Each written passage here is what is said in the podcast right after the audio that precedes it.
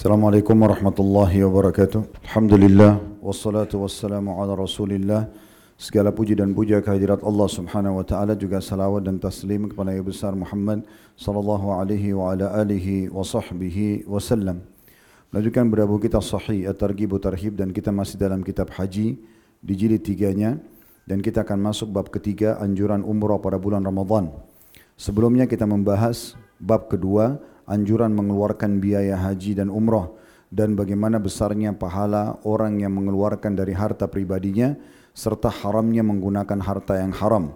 Saya mengingatkan kembali hadis di situ sebuah uh, urutan satu saja atau satu buah hadis satu urutan hadis tapi dua riwayat yaitu hadis Aisyah radhiyallahu anha di mana Nabi sallallahu alaihi wasallam bersabda kepada beliau pada saat beliau sedang umrah innalaki minal ajri ala qadri nasabiki wa nafaqatiki sesungguhnya pahala yang kamu dapat adalah sesuai dengan kadar kelelahanmu dan nafkah yang kamu keluarkan. Hadis riwayat Al-Hakim dan disahihkan berdasarkan syarat Bukhari Muslim serta dalam riwayat yang lain masih urutan yang sama urutan satu innama ajruki fi umratuki ala qadri nafaqatuki Sesungguhnya pahalamu yang kamu dapat dalam umrahmu adalah sesuai dengan kadar nafkah yang kamu keluarkan.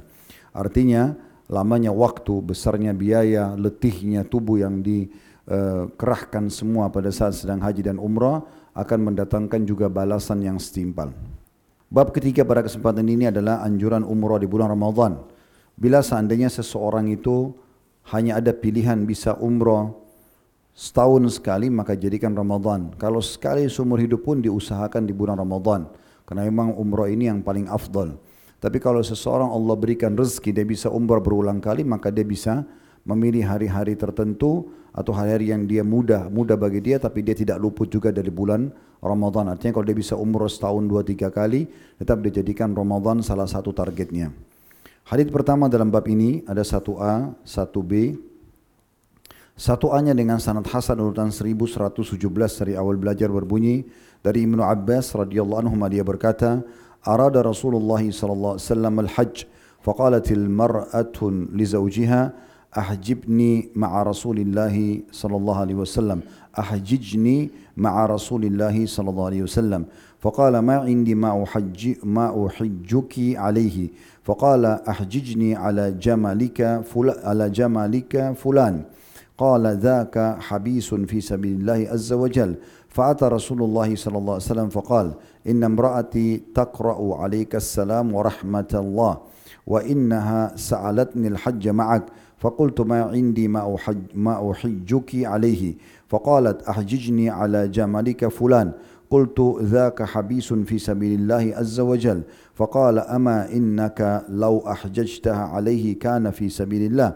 قال وإنها أمرتني أن أسألك ما يعدل حجة معك؟ قال رسول الله صلى الله عليه وسلم أقرئها السلام ورحمة الله وبركاته. wa akhbirha annaha ta'dilu hajjatan ma'i umratun fi ramadhan Terjemahannya ketika Rasulullah SAW hendak melakukan ibadah haji, ada seorang istri yang berkata pada suaminya, Berangkatkanlah aku haji bersama Rasulullah SAW. Maka suami bertanya, ah, suami menjawab, sang suami menjawab, aku tidak memiliki sesuatu untuk memberangkatkanmu haji.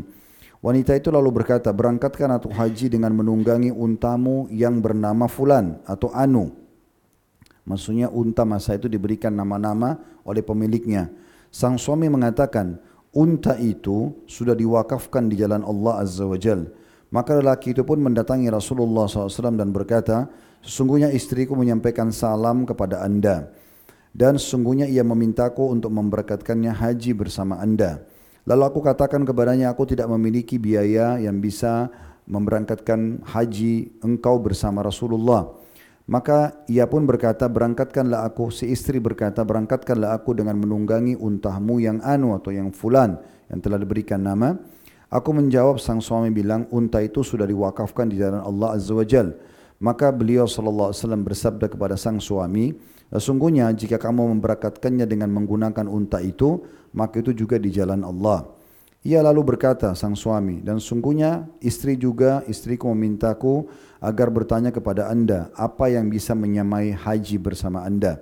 Maka Rasulullah SAW menjawab, sampaikanlah kepadanya salamku dan sampaikan kepadanya bahawa umrah di bulan Ramadan menyamai haji bersamaku.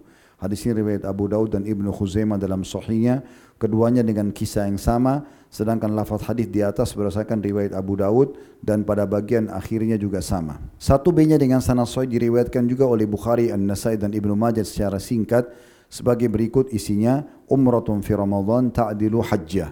Umrah di bulan Ramadan menyamai pahala satu kali haji.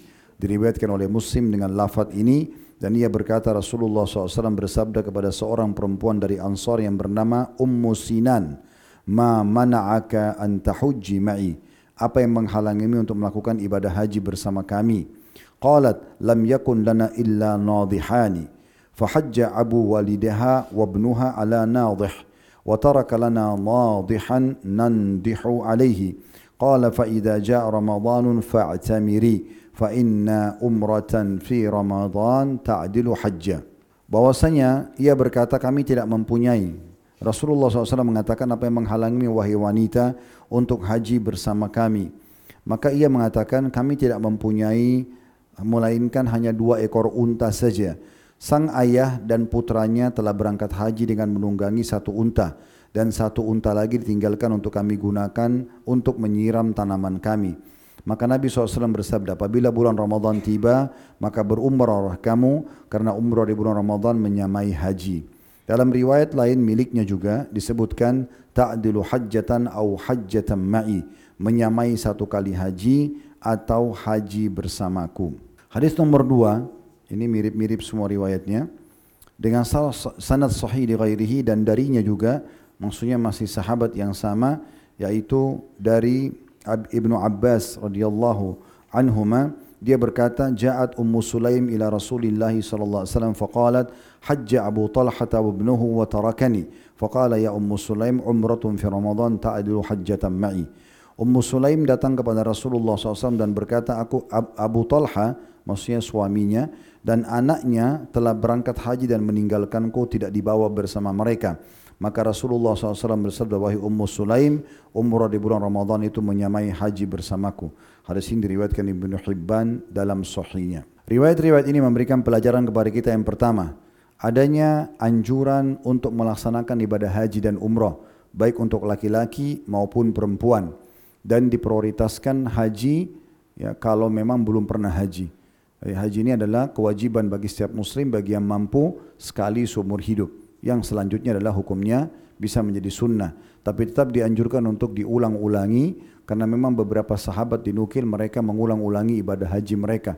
Bahkan di antara salafus salih seperti Atta bin Abi Rabah rahimahullah seorang ulama Mekah Allah panjangkan umurnya sampai 100 tahun dan dia haji 70 kali atau 70 tahun berarti melaksanakan ibadah haji.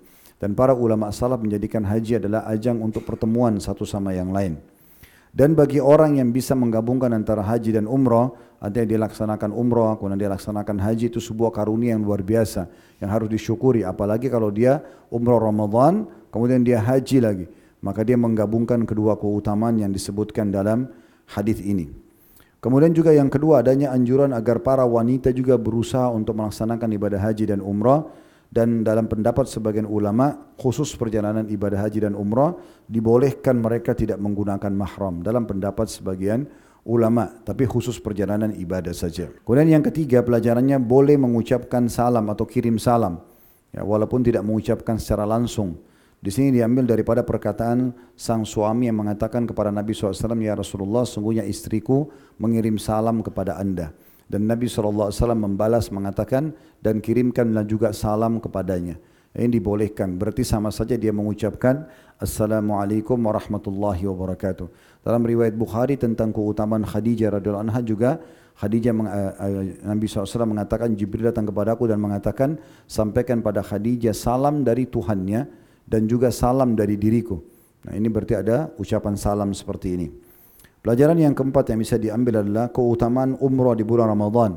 Karena ini sama pahalanya dengan ibadah haji. Dan sudah kita jelaskan di bab-bab sebelumnya, ada di bab satu tentang keutamaan haji, di antaranya adalah luar biasa bagaimana orang kalau tawaf setiap tawafnya itu memiliki keutamaan sendiri solat di belakang makam Ibrahim mendapatkan keutamaan sendiri kalau tawaf bersih semua dosa-dosa kalau solat di belakang makam Ibrahim seperti membebaskan satu budak dari anak Ismail kemudian kalau sa'i juga sebanyak tujuh kali sama dengan membebaskan tujuh puluh budak dari Bani Israel dari Bani Ismail dan banyak keutamaan-keutamaan yang lain selain doa mustajab, solat di masjid haram dengan seratus ribu, maka semua ini harusnya tidak luput dari seseorang. Dan kita juga ambil pelajaran tidak kalah penting bagaimana Allah subhanahu wa ta'ala mudahkan dalam banyak syariatnya ini pahala ibadah yang sederhana tapi bisa dapat pahala yang lebih besar lagi. Seperti contohnya umrah di bulan Ramadan tapi khusus dikerjakan di Ramadan sama dengan ibadah haji yang lebih membutuhkan banyak energi, biaya, waktu tapi bisa dirangkumkan di bulan Ramadan. Oleh karena itu ini juga salah satu target dan setiap muslim yang belum Allah mudahkan rezeki maka dia boleh niatkan kepada Allah Subhanahu wa taala. Karena innamal a'malu binniyat semua akan dibalas dengan niatnya. Kapan dia niat kalau Allah betul-betul memberikan kesempatan dia akan melaksanakannya maka dia akan diberikan pahalanya. Sebagaimana kata Nabi SAW dalam hadis Bukhari man hamma bihasanatin walam ya'malha kutiba lahu hasanatun kamila. Siapa yang berniat untuk mengerjakan satu amal soleh dan dia belum bisa mengerjakannya tapi sudah diniatkan dan bertekad kalau Allah mudahkan dia akan kerjakan dicatatkan baginya satu pahala lengkap. Fa in amilaha kutiba lahu asyru adhafiha dan kalau dia kerjakan apa yang sudah dia niatkan satu waktu Allah mudahkan lalu dia kerjakan dicatatkan baginya 10 kali lipat. Semua bermanfaat. Subhanakallahumma bihamdika. Asyhadu an la ilaha illa anta astaghfiruka wa atubu ilaik. Assalamualaikum warahmatullahi wabarakatuh